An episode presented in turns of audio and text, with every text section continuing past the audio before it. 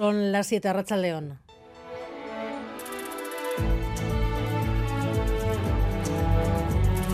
Gambara con Arancha García.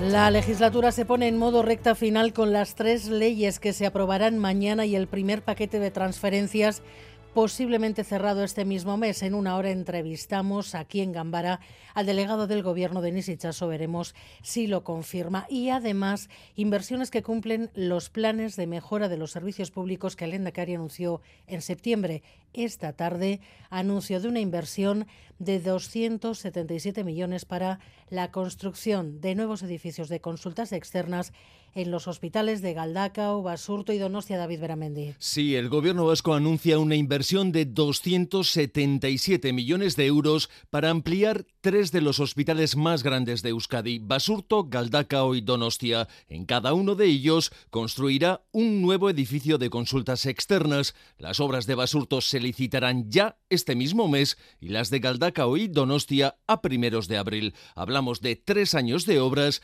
con lo que los tres nuevos edificios se acabarán en 2027. Inversiones anunciadas hoy por el Lendakari Íñigo y que son parte del plan extraordinario de Osakideza, plan de 1.200 millones de euros.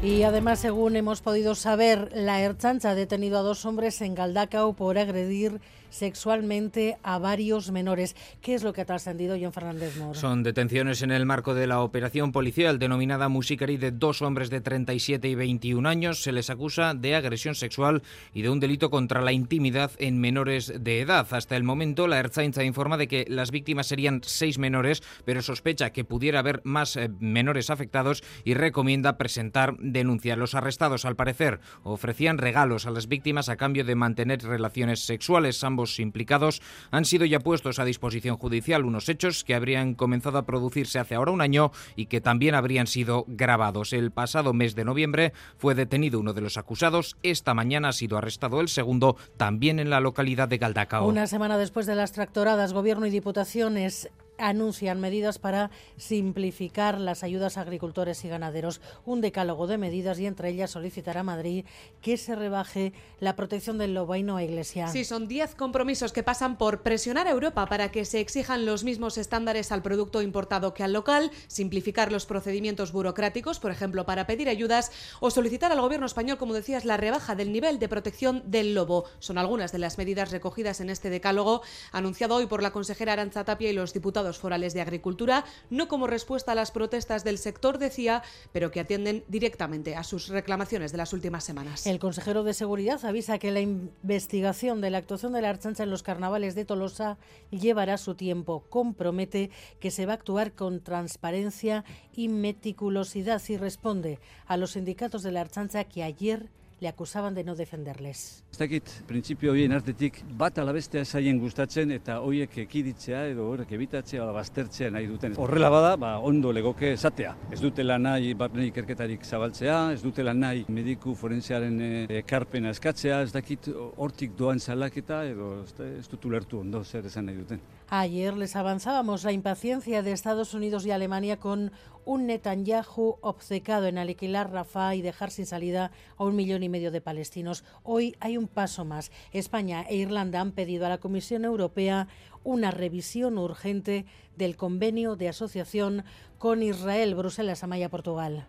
Pedro Sánchez y Leo Varadkar le recuerdan por carta a la presidenta von der Leyen que el acuerdo de asociación entre la Unión Europea e Israel hace del respeto de los derechos humanos un elemento esencial de la relación. Exigen pues a Bruselas que proponga medidas a los Estados miembros si efectivamente detecta incumplimientos. La Comisión por ahora se limita a acusar el recibo de la carta y a remarcar que le recuerda asiduamente a Israel que es responsable de cumplir con la ley internacional. Nabila Masrali, portavoz.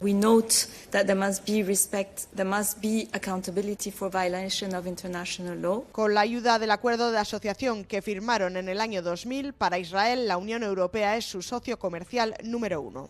El asesino de Gay, condenado a 10 años de prisión, el Superior de Justicia ha atendido el recurso de la acusación popular y ha elevado los cargos a asesinato en grado de tentativa. La acusación de Gay, tú satisfecha. Enseguida hablamos con el abogado del caso y ha saltado a las portadas de todo el mundo un capaz de detectar el cáncer de mama por la saliva y por solo 5 euros. Es un estudio de dos universidades de Estados Unidos y de Taiwán. Hemos hablado con expertos y nos rebajan mucho las expectativas, Gary Suárez. El estudio se ha publicado en la Journal of Vacuum Science and Technology, donde las universidades de Florida y Taiwán han asegurado que poniendo tan solo una gota de saliva en una tira, tira reactiva de papel pueden proporcionar resultados precisos en la detección del cáncer de mama. La noticia ha dado la vuelta al mundo, aunque ahora distintos expertos y la comunidad científica ha salido a matizar esos descubrimientos. Dicen que como mucho se trata de un primer paso, pero que para que pero que todavía queda un largo recorrido para que este proceso, esta técnica,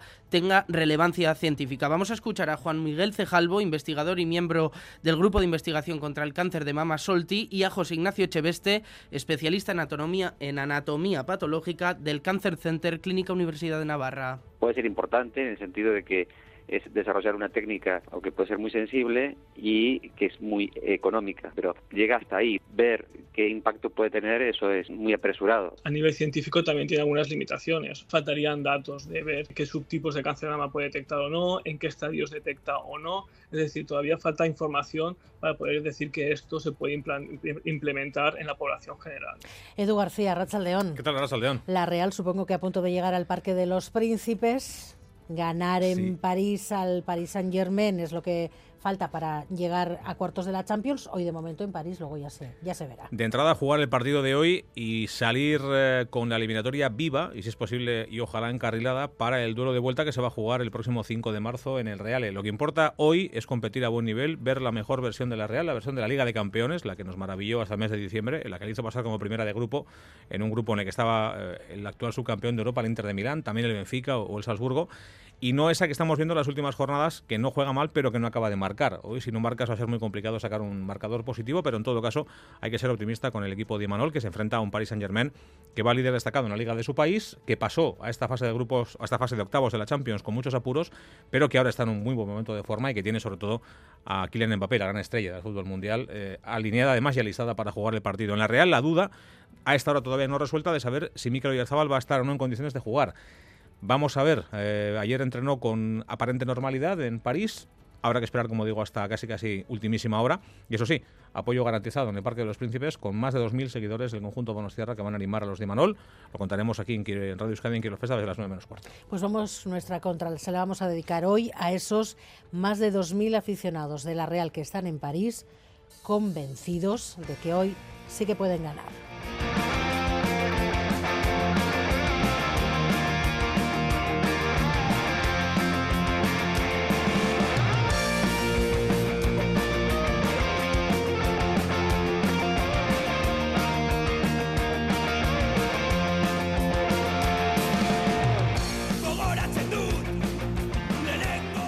San Valentín en París no suena nada mal. Desde luego me hace una ilusión tremenda. Y mejor aún cuando el amor es por la Real. Seguir a los colores de la Real allí donde vayan.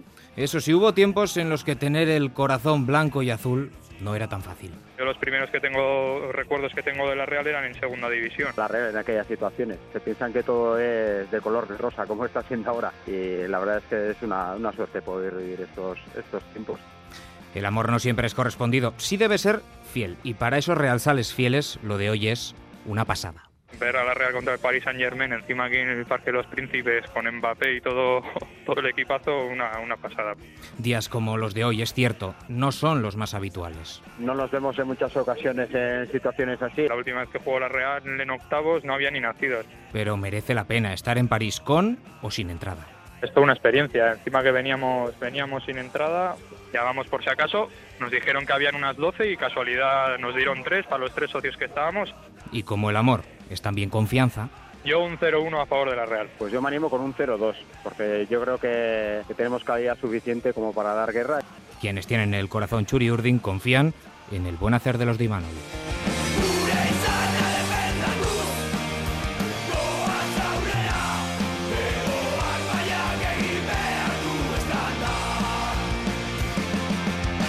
Miguel Ortiz y Alberto Sobel ya están en la dirección técnica, Cristina Vázquez en la producción.